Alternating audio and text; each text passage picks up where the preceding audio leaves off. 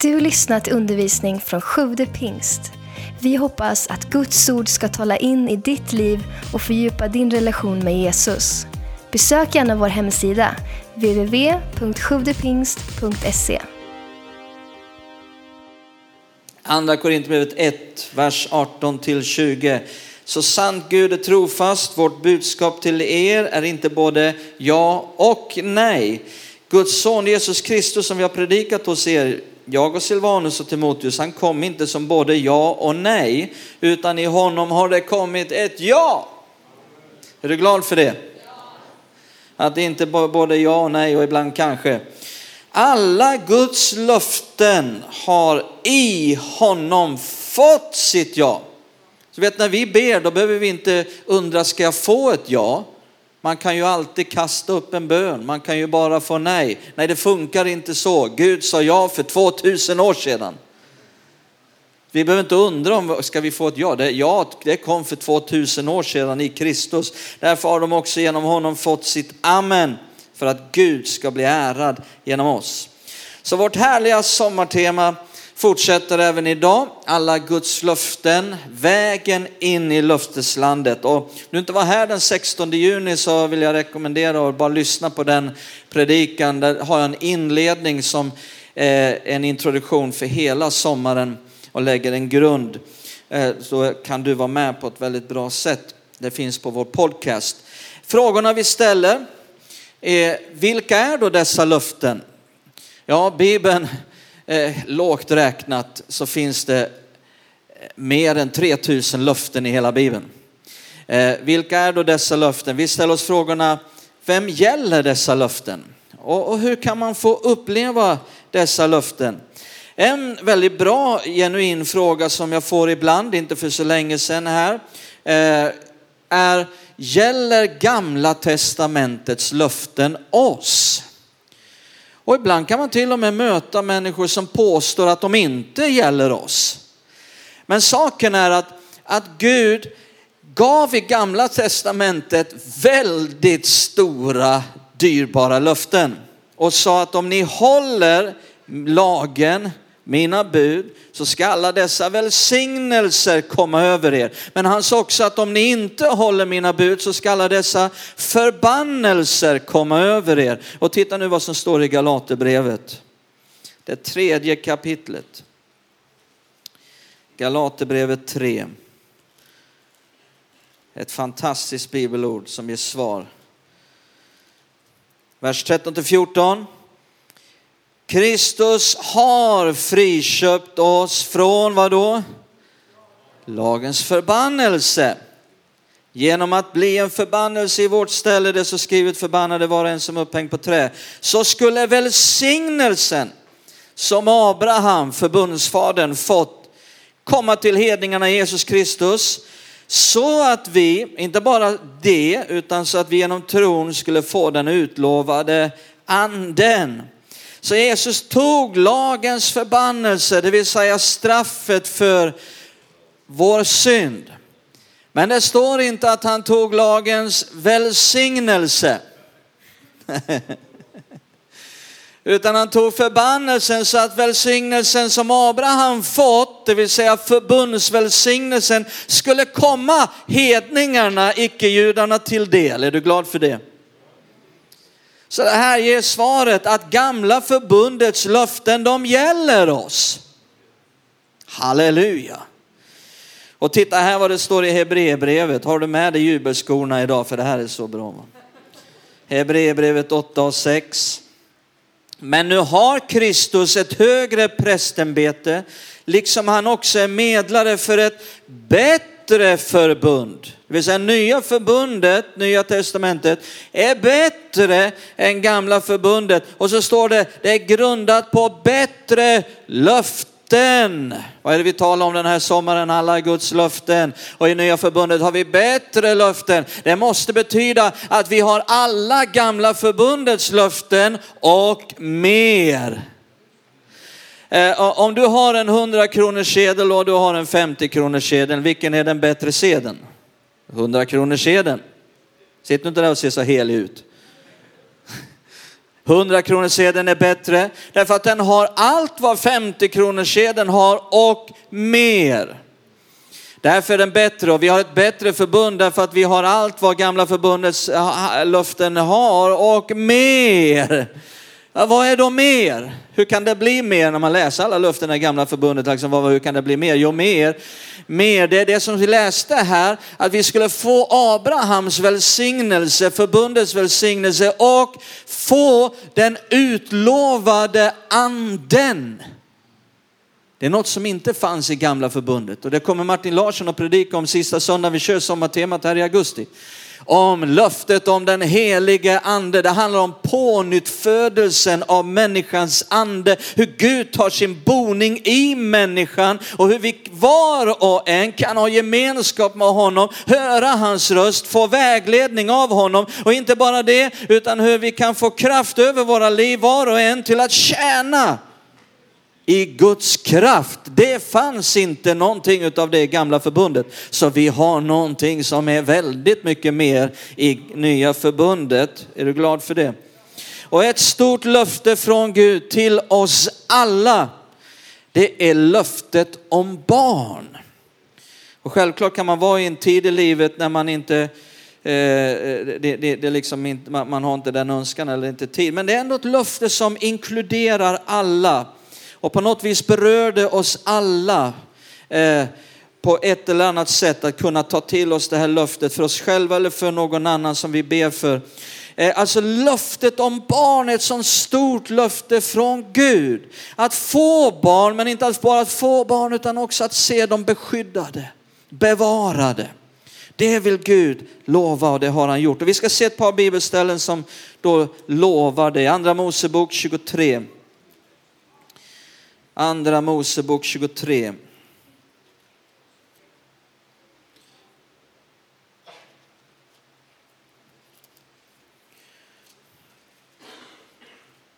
Vers 25-26 står det.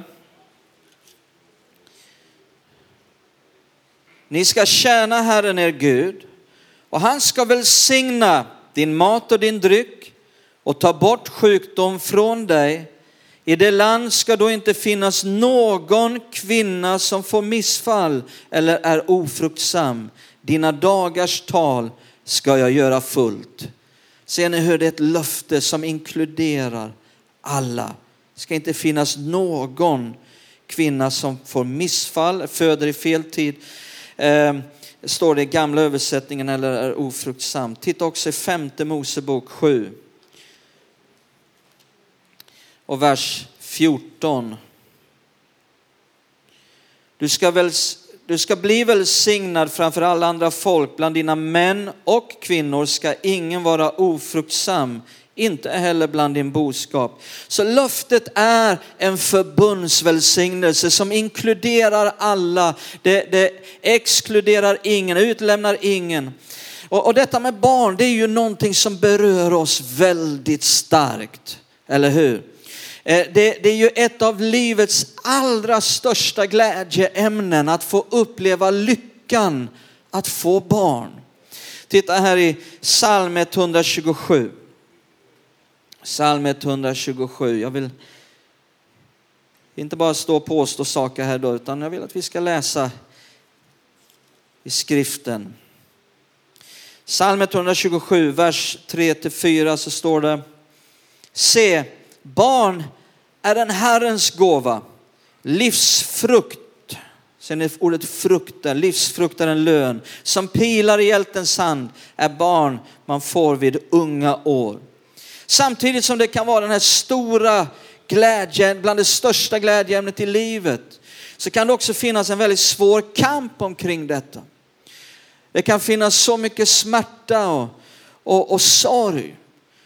Och detta är ganska vanligt. 10-15 eh, procent eh, upplever en ofrivillig barnlöshet. Och även i Bibeln så hittar vi att det är ganska vanligt. Det finns flera exempel, bland annat så finns det sex framträdande kvinnor som var ofruktsamma. Eh, först och främst Sara som var Abrahams hustru. Och för Abraham det fanns inget större i hans liv, under hela hans liv som han trodde Gud om, än just detta. Vi kan läsa om det i Romarbrevet 4. Romarbrevet 4, vers 17 till 21. Står det, som det så skrivet, jag har gjort dig till en far till många folk och det är han inför den som han trodde på. Gud som ger liv åt de döda och kallar på det som inte är till som om det vore till.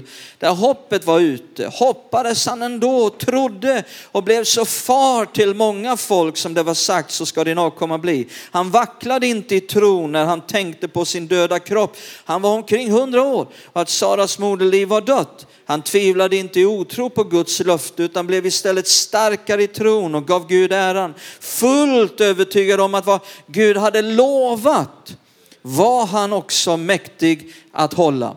Och titta även på Sara i Hebreerbrevet 11. Det var, eh, titta här, det står så fantastiskt om Sara i Hebreerbrevet 11 och vers 11. Genom tron, genom tron fick även Sara som var ofruktsam kraft att bli mor till en ett fast hon var överårig. Hon tänkte att den som hade gett löftet, sen är ordet löfte hela tiden kommit tillbaka, han var trofast. En del de vet om Sara att hon log. Men Abraham log lika mycket. Står om det också? Och det var inte bara Abraham som trodde. Sara nådde också fram till en punkt där hon trodde Gud och trodde på hans löfte och därigenom fick kraft att bli fruktsam. Och de födde Isak. Och Isaks hustru Rebecka var också ofruktsam. Titta i första Mosebok 25. Första Mosebok 25. Och vers 21. Isak bad till Herren för sin hustru Rebecka eftersom hon inte kunde få barn. Och Herren bönhörde honom så att hans hustru Rebecka blev havande. Och, och så föddes Jakob. Och Jakobs hustru Rakel var också ofruktsam. Och vi läser om det, titta här i kapitel 30, vers 22. Vers 22. Men Gud tänkte på Rakel. Tycker det är så vackra ord. Gud tänkte på Rakel. Gud hörde henne och gjorde henne fruktsam. Så alla de tre patriarkernas hustrur var ofruktsamma. Det är lite speciellt, man skulle kunna gå djupare i det och fundera över de bitarna. Eh, utöver de här så hittar vi tre stycken andra Manoas hustru som blev mamma till Simson. Vi har Hanna som blev man, mamma till profeten Samuel. Vi har Elisabet som blev mamma till Johannes döparen. Och när man läser om de här sex kvinnorna så ser man i de här berättelserna så mycket av kamp. Så mycket av svåra känslor och saker som vi kan känna igen oss i i vår tid. Och jag tror att en anledning till att det berör oss så djupt och att det finns en så stark längtan att få vara fruktsam det går tillbaka till vad Gud har lagt ner i skapelsen. Och det kopplar med själva grundkallelsen på människan i begynnelsen. Ska vi läsa om det i första Mosebok 1. Första Mosebok 1 och 28. Och Gud välsignade dem och sa till dem, var fruktsamma och föröka er, uppfyll jorden och lägg den under er och så vidare. Alltså för att detta skulle kunna ske, var fruktsamma, föröka er, uppfyll jorden. Då var ju Gud tvungen att lägga ner i den skapade människan en stark drift. En stark längtan efter att få, få se detta hända. Ehm, det ligger så djupt inbäddat i oss en önskan om att få vara fruktsam. Lika naturligt som ett äppelträd eller ett plommonträd bär frukt. Lika mycket är barn en, en frukt ifrån våra liv och därför när det uteblir så är det så lätt att det kommer en massa olika slags negativa känslor. Det kan vara känslor av sorg, av smärta. Man kan känna sig oduglig. Man kan känna sig, alltså man skuldbelägger sig själv. Man kan börja känna sig otillräcklig, misslyckad, kanske rent av känna skam av någon anledning. Man kan, man kan till och med känna frukt fruktan, hopplöshet. Man kan börja känna sig trött, kraftlös, trött på att försöka. Och det kommer så mycket av olika slags negativa känslor och som så lätt triggas vid olika tillfällen, ofta. Det kan vara att någon annan får barn, det kan vara en baby shower, det kan vara mors dag. Så triggas de här negativa känslorna. Och min vän, vi får aldrig vara en kyrka, lyssna på mig noga nu. Vi får aldrig vara en kyrka som blundar för det här. Där det blir, jag trivs inte när det blir hysch-hysch, när det blir tissel-tassel. Utan kyrkan måste vara den absolut tryggaste platsen på jorden. Där man kan känna att någon bryr sig. Där man kan känna sig förstådd och älskad. En kyrka som skapar utrymme att faktiskt få sörja. Där, där en kyrka som, det, det, som visar där man känner att det, det är okej okay att få känna smärta och till och med bli uppmuntrad att uttrycka den inför Gud. Där vi lär oss att sitta med den som sörjer och gråta med den som gråter. Där vi inte kommer inflygande ovanifrån på ett hurtfriskt sätt med och slår en massa bibelord i, i huvudet på någon och, där det, och det som absolut inte får hända, det är ord eller tankar som skuldbelägger. Är ni med? Det får absolut inte hända tankar som tänker, det är nog något fel på dem. De lever nog inte rätt. Det är kanske ett straff från Gud. Det är fel min vän från början till slut. Låt oss vara helt fria i den här kyrkan ifrån de tendenserna. Just nu, jag och Vicky, vi, vi upplever det här väldigt nära. Vicky, Vicky som är i Panama just nu, hennes halvsyster Gisette, de räknar henne som en helsyster. Hon kunde inte få barn under, under några år här och sen blev hon havande och kände det, det, det är ett under. Men som nu i 34 eller om det var 36 veckan så dör barnet i henne. Det är bara några veckor sedan. Och här finns så mycket sorg. Vicky känner av sorgen helt och hållet själv. Har till och med haft svårt att känna glädje när det är någon annan här runt omkring som har fått barn. Och hon tänker, om jag känner så, hur känner inte då min syster? Och här har varit så mycket smärta, så mycket samtal, så mycket gråt. Och det är viktigt att det får utrymme. Det är en del av allting. Eh, och här finns frågorna som kommer. Varför? Varför Gud? Varför jag? Frågor som vi nog aldrig kan veta svaret på. Men det vi kan veta, det är vem Gud är. Vad han vill. Hans önskan om att vi ska få bilda familj. Och också vad Gud undervisar oss om hur vi kan ta hand om såren, smärtan och svårigheten att leva i den här världen som är så trasig, som är så orättvis och fallen. Och de här svaren ger inte svar på varför man är ofruktsam, men kanske att det kan vara svar som ger en väg framåt genom smärtan och så småningom kanske man kan hjälpa någon varsamt, varsamt att lyfta sin blick till Herren och våga tro på hans löften igen och våga tro Gud om seger i framtiden. Det jag heller aldrig kan landa i, det är att säga till någon att det var nog Guds vilja.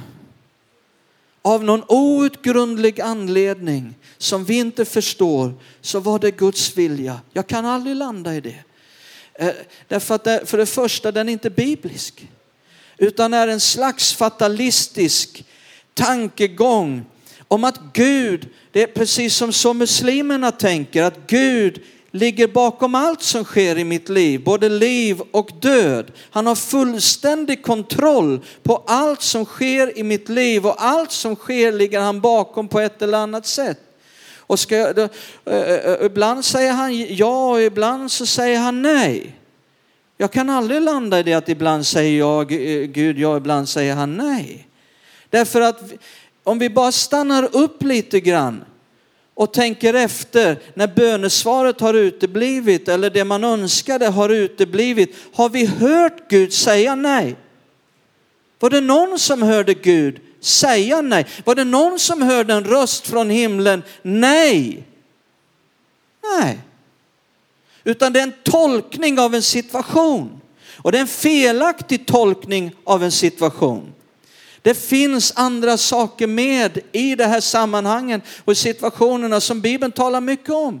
Och vi kan veta att Gud har sagt ja. Det var ju det vi läste. Alla Guds löften har fått sitt ja. Jesus kom inte, sa Paulus, som både ja och nej. Han kom som ja. Så när du ställer dina fötter på Guds löften och du ber till Gud, då vet, Ja. Är ni med? Uh, och ett, ett sånt svar att det skulle nog vara Guds vilja det här kanske möjligtvis kan ge en slags tröst och att någon kan acceptera vad som har hänt lite lättare men det ger ingen tro och ett hopp om att någonting annat, ett Guds ingripande i framtiden ska ske. Genom åren har jag och Vicky fått stå med flera mycket nära vänner som har haft en kamp omkring detta. Vi har också fått se Gud göra stora under i många människors liv. Jag minns eh, ett par som var assisterande pastorspar i den församling i Panama där Vicky var med och jag, vi var nere i Panama jag hade predikat en söndag, de heter Leopold och Anna Jansi. Och de kunde inte få barn. Läkarna hade konstaterat att det är omöjligt för er att få barn. Och det fanns läkardokumentation på detta och alltihopa. Och efter den, vi satt i kyrksalen efter gudstjänsten och de var på väg ut och hon, Anna Jansi hade lite bråttom och hon var på väg ut. Så säger hon i förbifarten, eh, kom överens med oss att vi ska få barn. Och jag sa, ja vi, vi ska absolut komma överens med, Jesus sa om två av er här på jorden kom överens. Men jag sa, Jesus sa inte bara att vi ska vara överens, utan att vi ska också be vad de är överens att be om, vad det än är. Så nu i eftermiddag där ni är, vi kan inte vara på samma plats, där, där vi är i eftermiddag så ber vi samtidigt. Och så står, kommer vi överens med er och vi, vi bad seriöst, jag och Vicky där vi var, de bad där de, där de var. Sen åkte vi hem till Sverige jag tror det var tre eller fyra veckor senare, så, så får vi, eh, så tar de kontakt med oss och berättar, det är konstaterat, vi är med barn.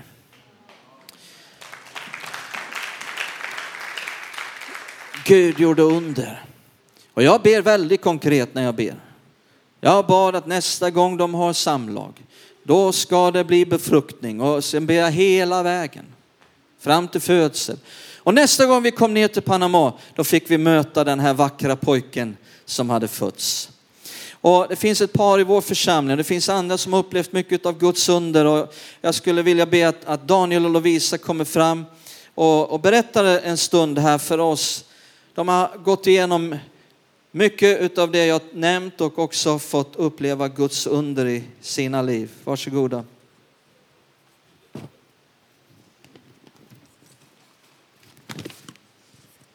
Eh, ja, precis. Vi får se hur det här går. Jag höll på att ta sig igenom det här. Men.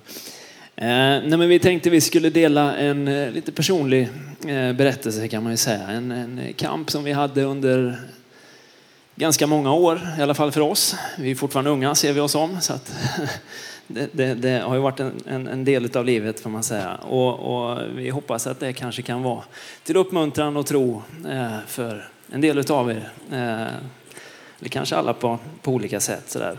Eh, vi har nu i sommar eh, jag och Lovisa har varit gifta i, nu står de bredvid mig så nu kan jag inte bara höfta, eh, 15 år i augusti.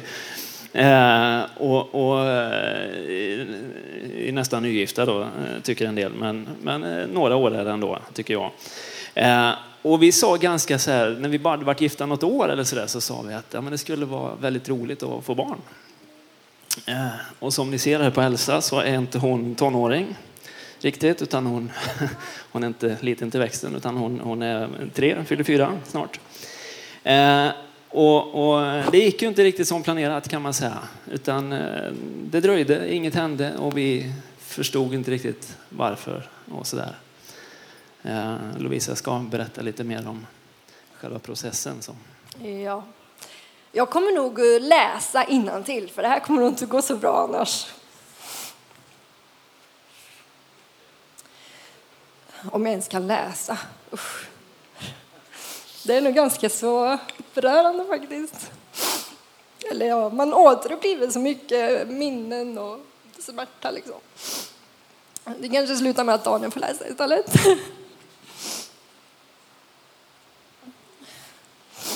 Efter några år så funderar jag på varför, det aldrig blev, varför jag aldrig blev gravid. Det borde ju kunna bli barn utan att vara så där supermedvetna om, om när på månaden. Men det hände inget på flera år. Till slut blev vi pushade av vänner att söka hjälp. Så vi vände oss till sjukhuset i början av 2009 och blev direkt remitterade till Göteborg och påbörjade en IVF-behandling, även en provrörs befruktning. Ehm, som visade sig vara en jobbig process, men som inte funkade. Det blev ett jättetungt 2010. Jag mådde dåligt av förklarliga skäl eh, och fick nog inte så jättemycket annat vettigt gjort än att gå till jobbet.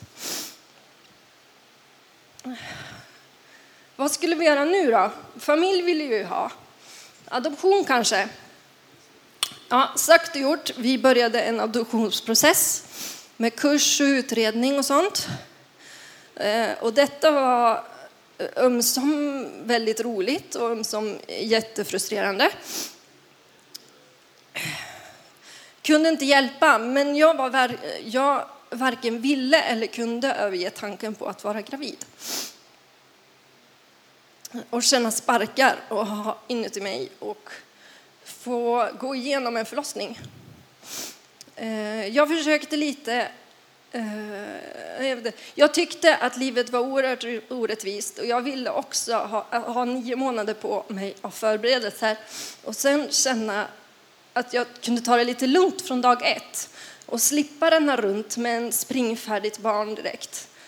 Jag menar verkligen inte att adoption är något fel så ni får inte tolka mig fel. Men så här kände jag att om man ska adoptera, så, som i vårt fall när inte plan A fungerade, så måste plan B bli en plan A för att vara helt rätt. Men jag fick ingen ro och frid i det. Jag ville, ha för, eller jag ville för mycket bära ett barn för att kunna släppa det. Jag köpte boken Fasta och bön på Europakonferensen. Eh, så jag, eh, som jag sen läste under semestern. Det resulterade i att jag bestämde att vi skulle ha fasta och bön i januari 2013. Eh, all frustration och depression jag hade och en stor portion bitterhet hade jag byggt upp under dessa åtta år. Jag var så trött och orkade inte med det längre. Så jag fick väldigt många... Jag fick nog väldigt många tjejkompisar i min närhet att känna sig värdelösa. När de ville berätta om sin egen lycka över barn som de skulle få. Jag hade förlorat all förmåga att kunna glädjas med dem. Jag kunde inte ens låtsas.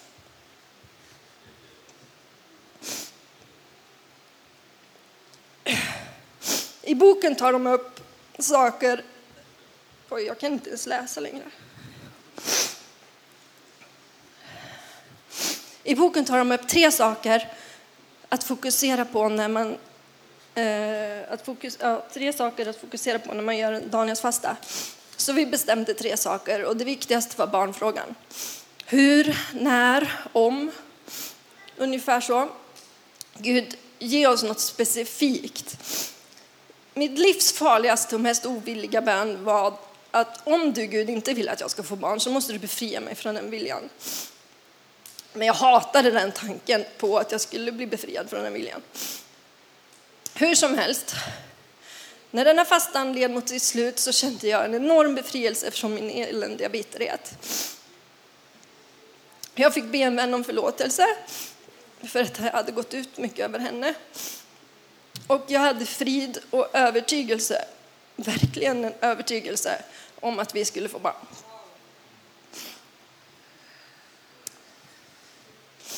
Ja, och det man kanske ska tillägga är också det att i det här nu så har det gått ganska lång tid. Ehm, det har gått närmare åtta, snart nio år Eh, från det att vi bestämde att vi ville ha barn. Så det, det det är ju ändå några år sådär. Va? Eh, och då så säger Lovisa till mig att Nej, men det här känns inte rätt att adoptera. Eh, som sagt, inget fel i det, men, men det kändes inte rätt för oss. Eller framförallt min fru kände inte att det var rätt. Eh, när jag tänker då så här, okej, okay, eh, det har gått åtta år eh, och eh, ska vi då bara strunta i vad som har hänt de sista åtta åren? Eh, det är liksom, ja, och, och, och, men vi bad och fastade som sagt och kände väl båda två där efter den här bön och fastan att nej, men det, det, det känns ändå rätt att jag fattar ett sådant beslut. För jag menar, det, alltså på ett sätt kändes det väldigt rätt, men på ett sätt kändes det väldigt fel. För, för jag menar, det vi hade försökt i åtta år, det läkarna hade sagt eller nästan gett upp hoppet om eh, och, och, sagt det, här, det funkar inte utan eh, och, och sådär. Va? Och, och nu dessutom, för den som har adopterat eller den som har gett sig in i en sån process, ni vet att det är en ganska lång process det också. Det är inte bara att åka ner och hämta ett barn i något land, så att säga, va? tack och lov förvisso. Men det är undersökningar, det är kurser och det är en lång kö. Eh, till, till, många länder eh, för, för, att kunna adoptera. Och nu var vi nästan framme i kön dessutom. Eh, vilket gjorde att, ja, och bara släppa det här. Mm, det var inte bara kan jag säga. Eh, men, men som sagt, vi, vi bad och vi kände att nej, men okej, okay, vi, vi, vi gör det. Eh, och på ett sätt ställde vi oss ju på ruta ett igen då. Eh, men som sagt, det kändes rätt. Men bara för att vi fattade beslutet så kändes det ju inte, allt blir ju inte lättare kan jag säga eh, ändå.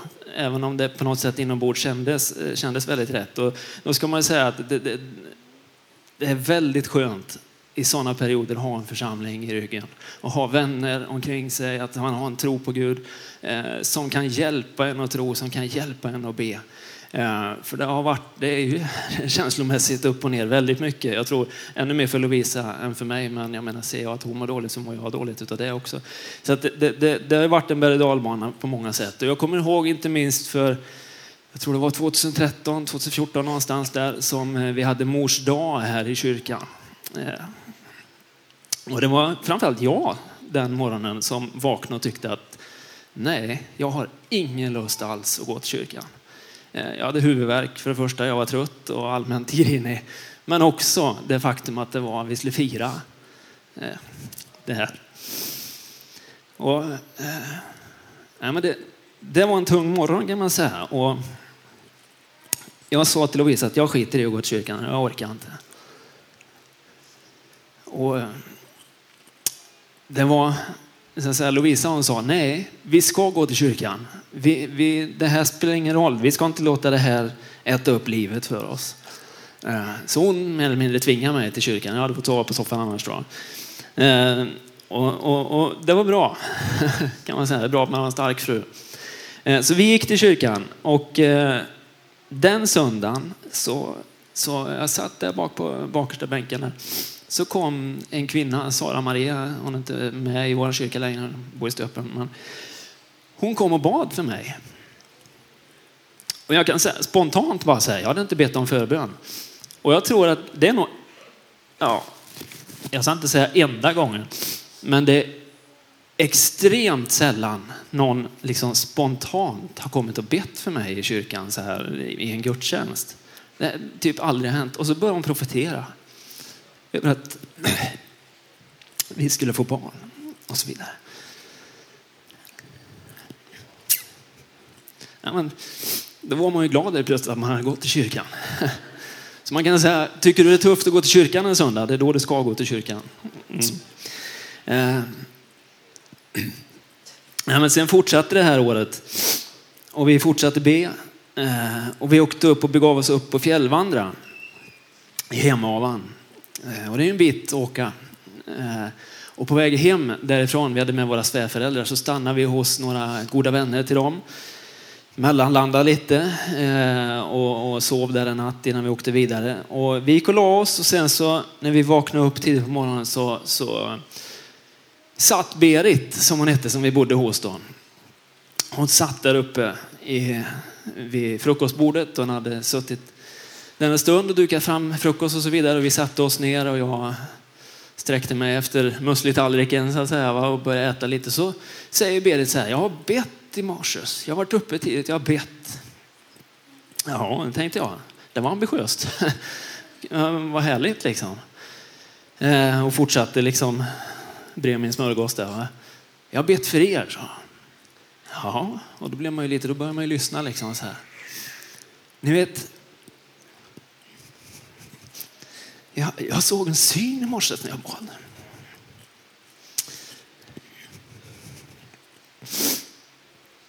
Och när jag bad så såg jag en trappa till himlen. Och högst upp i den här trappan så såg jag en liten flicka i vit klänning komma ner från himlen. Och då frågade jag Gud, är det, är det där min, är det Daniel och Lovisas flicka? Ja, fick jag till svar. Och ni vet, det var ju musli med tårar på den, till den frukosten. Eh, och det var ju på något sätt så starkt. Man kände bara, nej men det här är ju på riktigt. Gud är på riktigt. Och året därpå sen så hade vi en liten flicka i vit klänning hemma hos oss. Ja.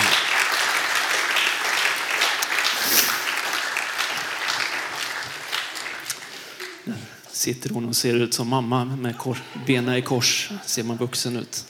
Sitter så. Nej, men det är vårt lilla vittnesbörd kan man väl säga.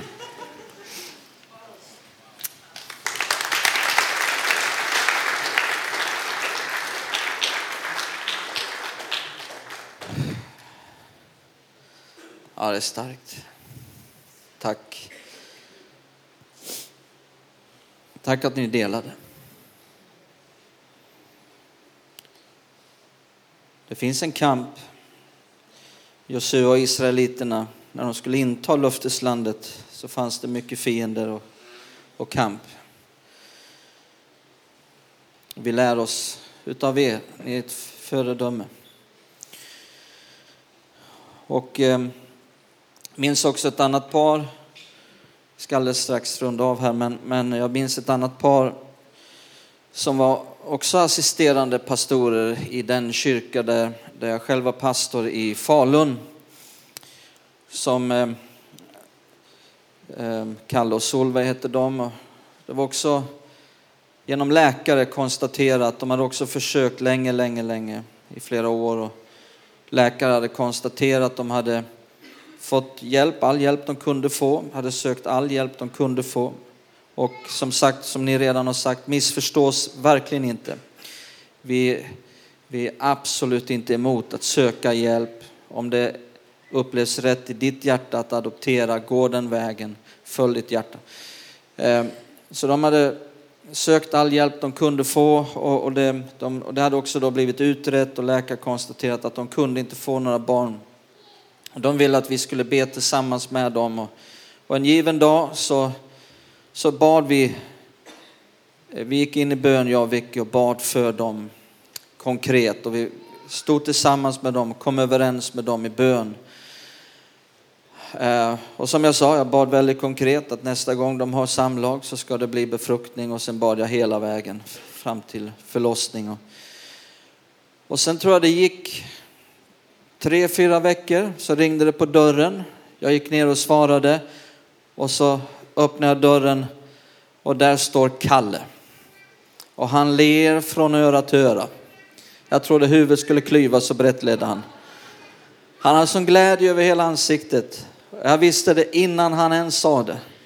Han sa, jag har någonting som jag vill berätta för er. Jag kom in, kom in sa jag och sätt dig. Så han satte sig i soffan och så säger han, vi har precis, det har precis blivit konstaterat, vi är med barn. Och sen födde de och de har fött mer än ett barn sedan dess. Välbehållna, härliga, härliga barn fick de som svar på bön och Guds ingripande. Jag minns också ett annat par i, i, i församlingen i, i Märsta. Thomas och Berit hette de och de kämpade också på exakt samma sätt utan att gå in i detaljerna. Men på ett liknande sätt som, som ni har hört här. Vi bad också för dem angående detta. Och en natt eh, så får jag en drömsyn. Och får en syn som jag vaknade med. Där jag såg de båda och ett par barn som sprang runt och dansade runt och lekte runt framför dem. Och så hörde jag Herrens röst i synen att detta gör jag för att deras glädje ska bli fullkomlig. Och den synen berättade jag för Vicky dagen efter då. Och, eh, och hon eh, är ju härligt spontan så hon gick och berättade för dem. Eh, för jag kände kanske känsligt, jag vågar berätta det här. Jag är lite sån och det är bra att jag har Vicky. Och det hade blivit till en uppmuntran, det hade blivit till en styrka, precis som ni också fick uppleva styrka, både genom en bok ni läste, genom att ta del av Guds ordet, genom bön och fasta, genom Guds lotsning fram till att, att se miraklet hända. Och jag vill avsluta här i Jesaja 54 därför att Gud vill inte bara ge ett löfte att få barn. Han bryr sig också om, om barnen när de är små, när de, är, när de växer upp, när de är i tonåren. Och det här skulle vi också kunna tala mycket om, men jag vill bara nämna det lite kort i, i slutet. Det dyrbara löftet i Jesaja, 50, Jesaja 54, vers 1 börjar med jubla du ofruktsamma. Jubla du ofruktsamma, står det i början. Du som inte har fött barn. Brist ut i jubel och ropa av fröjd. Så det, inledningen i det här kapitlet handlar just om de här bitarna. Och så står det längre fram i vers 13.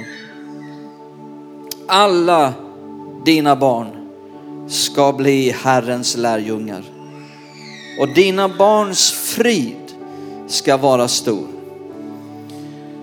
Det kan vara en kamp, inte bara att, att få barn, utan också en kamp när de växer upp.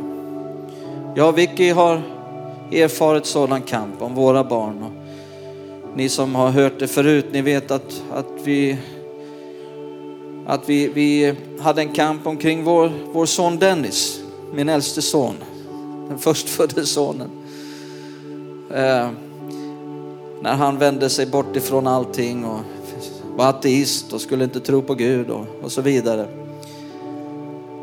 Men en söndag han följde med till kyrkan för han, eh, han tyckte ändå om människorna i kyrkan. Så han sa att det är, eh, liksom, om det inte är för något annat så är det, det är fint att vara i en kyrka just för att det är så fina människor där. Men han var totalt övertygad ateist i tre år. Liksom. Men eh, han var ändå med i kyrkan. Längst uppe på läktaren i hörnan. Och när vi bad innan, vi ber ju alltid. Kvart över tio här varje söndag så ber vi. Och var det inte du Ester som den söndagen du hade sett hur där uppe på läktaren, just på den fläcken, där kommer det att vara ett vattenfall. Det var ungefär så, ja det var exakt det du såg. Hon såg en syn. Där gick Dennis och ställde sig när gudstjänsten började. Han hade inte hört det här. Han ställde sig och fick ett möte med Gud. Så, ja, jag stod i lovsången här. Vi var mitt i lovsången. En kvart in i lovsången, då känner jag någon knackar. Jag står och blundar. Då är det Dennis som säger, pappa, pappa, du måste komma med, det är något som har hänt. Jag tror att Kid har varit i farten och pangat någon ruta eller någonting. Så jag bestämmer mig för att jag tar allting med ro, allting med sans. Och sen när vi kommer ut i foajén där så säger han, så säger Dennis, han finns ju! Gud finns ju! Och tårarna strömmar. Och han säger, vad är det som händer pappa? Vad är det, vad är det som händer? Ja, sa Dennis, det är Gud som söker dig i sin kärlek och nåd. Vad ska jag göra med det här? Frågan. Vad ska jag göra med det här nu då? Jag sa, låt det här nu gå förbi ditt huvud och låt det få beröra ditt hjärta. Ja, ja. Och så sprang han upp tillbaka på läktaren. Vi fortsatte gudstjänsten och när jag gör frälsningsinbjudan på slutet då står Dennis där uppe och räcker handen och håller den kvar så högt och så sträckt han bara kan. Och den gången hade jag jättesvårt att fortsätta överhuvudtaget. Där kände jag, jag kan flytta hem till Herren nu, mitt livs uppdrag är färdigt. Så, så, ja det var otroligt starkt. Efteråt så sa han, vad, vad är det jag har varit med om? Ja, Bibeln kallar det för pånyttfödelse. Ja, vad, ska, vad ska alla mina kompisar säga nu? Vad ska mina syskon säga? Alla vet ju vad jag har sagt nu under lång tid. Ja. Det är Guds omsorg om våra barn. Låt oss stå fast på Guds löften. Jag brukade stå fast på just det här löftet när jag bad för Dennis under lång tid. Alla dina barn ska bli Herrens lärjungar och dina barns frid, det handlar om beskyddet, ska vara stor. Ska vi stå upp tillsammans? Fader Gud, vi tackar dig för dina löften. Tack Jesus att du såg till att det kunde bli en möjlighet genom din död. Genom att du dog för oss. Genom ditt blod. Genom dina sår. Tack att du har köpt det åt oss. Tack att det tillhör oss. Tack för din nåd Herre. Tack för att du lyssnat. Glöm inte att du alltid är välkommen till vår kyrka. Du hittar mer info på www.sjuvdepingst.se